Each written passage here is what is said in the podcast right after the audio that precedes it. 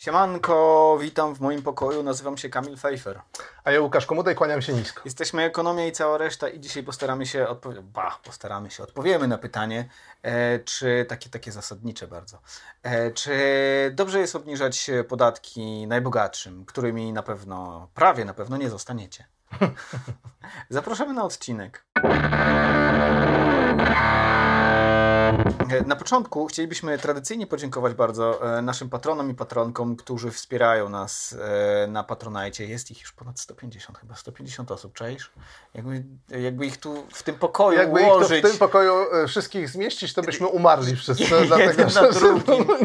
Tu by się nie zmieściło po prostu tyle ludziny. Tak. Zachęcamy do wspierania nas na Patronajcie. Jeżeli wesprzecie nas kwotą większą niż 10 zł, lądujecie na specjalnej grupce prestiżowej, gdzie jest kontent e, taki za paywallem. E, śledźcie nas na mm, e, social mediach, czyli na Facebooku i na Instagramie. I tak, Jedziemy z odcinkiem. Jedziemy z odcinkiem, ale jeszcze chcieliśmy powiedzieć, że y, y, tak bardzo doceniamy Wasze wsparcie, że postanowiliśmy nie robić żadnej przerwy wakacyjnej i y, mimo pewnych potknięć w rytmie wypuszczania odcinków, one są e, e, częściowo związane z...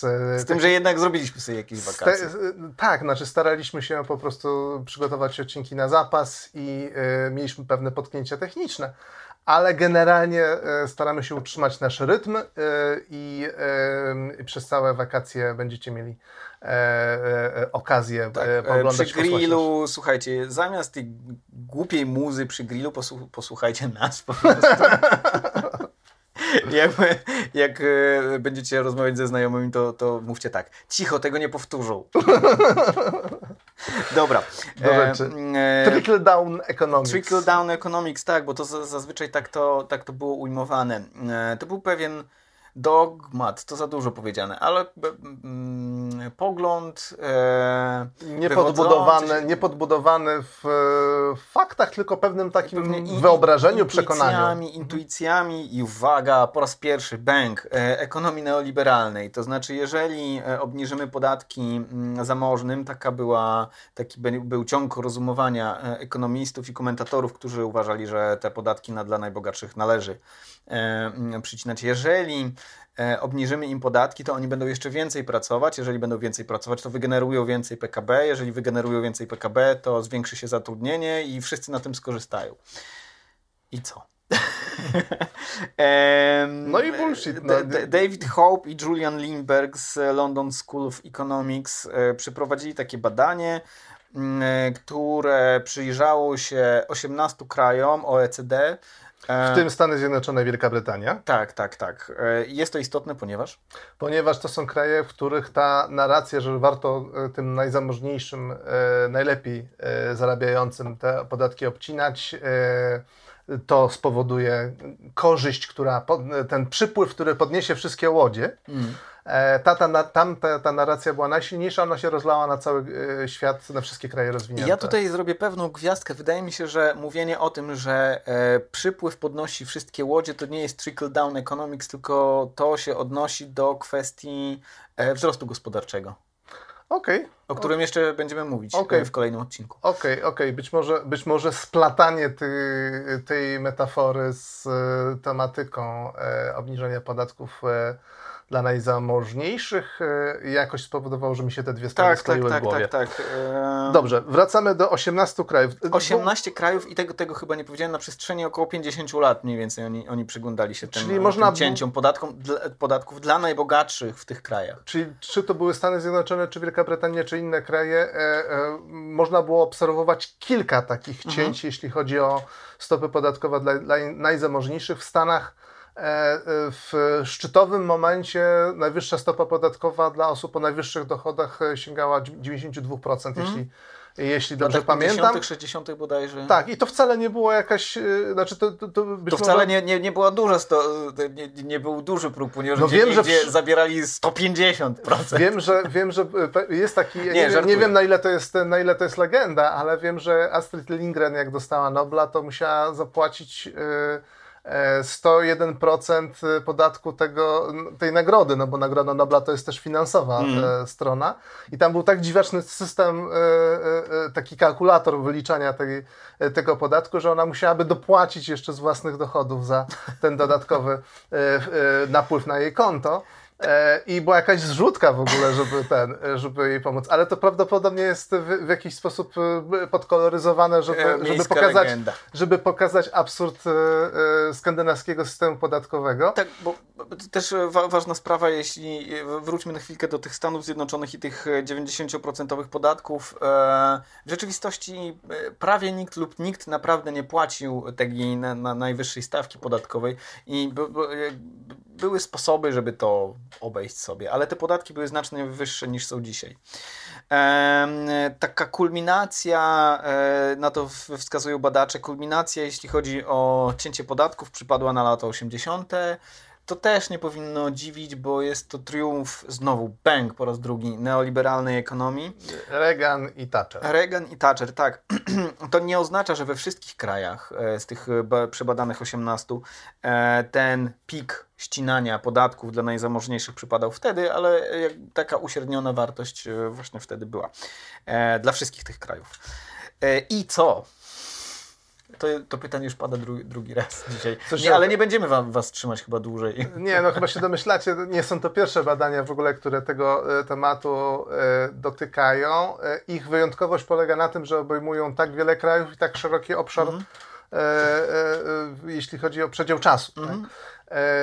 więc to daje nam wystarczający jakby aparat, wystarczające argumenty, żeby powiedzieć jednoznacznie nie, nie. Obniżanie podatków y, dla najzamożniejszych, dla 1% ludzi o najwyższych dochodach nie pobudza wzrostu gospodarczego i nie redukuje bezrobocia. Tak, i są to, są to badania dosyć, świeże z 2020 roku. E, no, no tak, cóż, to, prawda. No, no, i chyba nie byliśmy zaskoczeni. Ja na pewno nie byłem zaskoczony, ale to dlatego, że od wielu lat e, interesuję się tą częścią ekonomii, która Może to ją jakoś sytuować bardziej po lewej stronie niż, niż po prawej stronie, więc ta część ekonomii, e, ekonomistów e, z, mówiła od lat, że w zasadzie e, to tak nie działa. Od kryzysu finansowego e, krytyka e, różnych takich właśnie nazwijmy to trochę mantr, takich powtarzanych mm -hmm. mądrości, które nie, nie, nie były uzasadnione badaniami. Mm -hmm. Nie było mhm. twardych danych, żeby potwierdzić, że faktycznie jak tak zrobimy, to takiego efektu możemy się spodziewać. E, e, e, e przybrało na sile i w efekcie, w efekcie jakby można się było domyśleć, że taki będzie wynik tego badania. Evidence-based e, economy. Mhm. Można, można tak to nazwać. ale to nie jest tak też, że te wszystkie rzeczy są zupełnie nieprawdziwe. Na pewno jest kilka rzeczy prawdziwych z tych mantr powtarzanych, dlatego też dobrze jest się nie ukorzeniać dogmatycznie w na którejkolwiek z, z, z, ze stron e, tego całego spektrum e, ekonomicznego. Ani nie, trzeba... ani nie wyrzucać wszystkiego w czambu, tak, po prostu tak, znaleźć tak. argumenty, znaleźć dowody, znaleźć dane, które mhm. albo potwierdzają, albo obalają daną hipotezę. Tak. No i to jest właśnie taki dobry, e, dobry paper, dobre badanie, które nam pokazuje, że niestety e, w e, takiej rzeczywistości, mhm. w jakiej jesteśmy, nie należy się spodziewać, że obniżanie podatków najbogatszym pomoże w jakikolwiek sposób całej gospodarce. Poza, poza, poza samym e, bogatym, ponieważ oni zyskali. E, tak, e, po prostu zostało więcej pieniędzy w kieszeni e, i to widać, że ten mechanizm obniżenia podatków dla, dla naj, naj, najlepiej sytuowanych, jeśli chodzi o dochody, bardzo przyspieszył proces roz, rozwarstwienia mm -hmm. społecznego, czyli wzrost nierówności. Badacze oszacowali, że każda większa reforma, każda większa obniżka, cokolwiek to znaczy, jak mhm. trzeba byłoby e, bardzo dokładnie dla każdego kraju podać e, tutaj e, rozgraniczenie, od którego momentu mhm. mówimy o większej obniżce, a kiedy to nie jest wystarczająca obniżka. Ale każda większa obniżka powodowała wzrost udziału 1% osób o największych dochodach w ogóle dochodów mhm. całego społeczeństwa o 0,8 punktu procentowego. Czyli każda z tych reform nie prowadziła do wzrostu gospodarczego, Nie nie, mierzy, nie obniżała bezrobocia, ale zwiększała nierówności. Tak, to tak. był jedyny e, widoczny statystycznie efekt tej zmiany. Tak, i- żeby, żeby by było uczciwie, to oczywiście nie jest jedyny e, powód wzrostu nierówności w ostatnich latach i też, żeby było jeszcze uczciwiej, nie w każdym kraju te nierówności rosną, ale w Stanach Zjednoczonych one rosły, przynajmniej do, do jeszcze kilka lat temu rosły.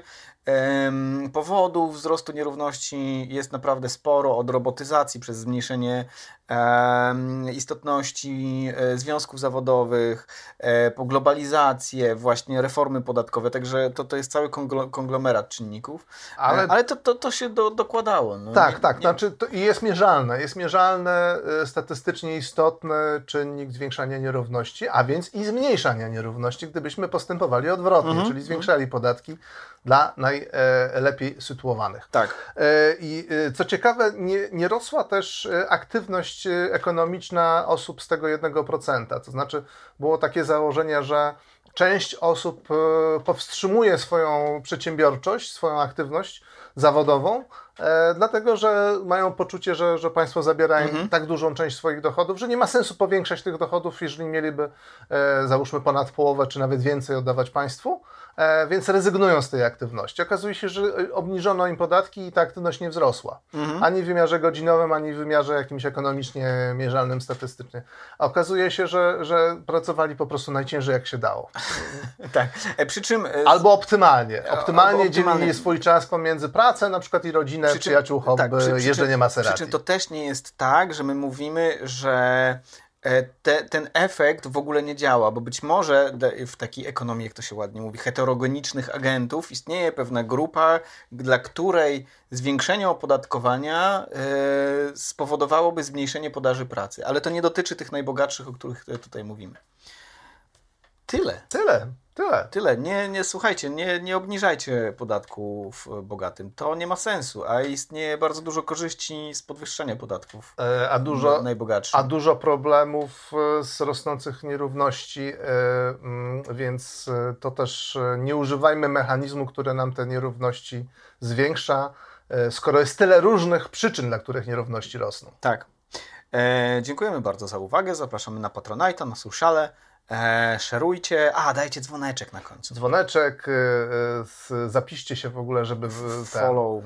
Tak, followujcie nas generalnie, kliknijcie co, wszystko, co Wszyscy, się da. tak, dokładnie. Kliknijcie wszystko, co się da po prostu, bo lewym przyciskiem, prawym przyciskiem, klik, klikajcie. E, narcia. Do zobaczenia i do usłyszenia.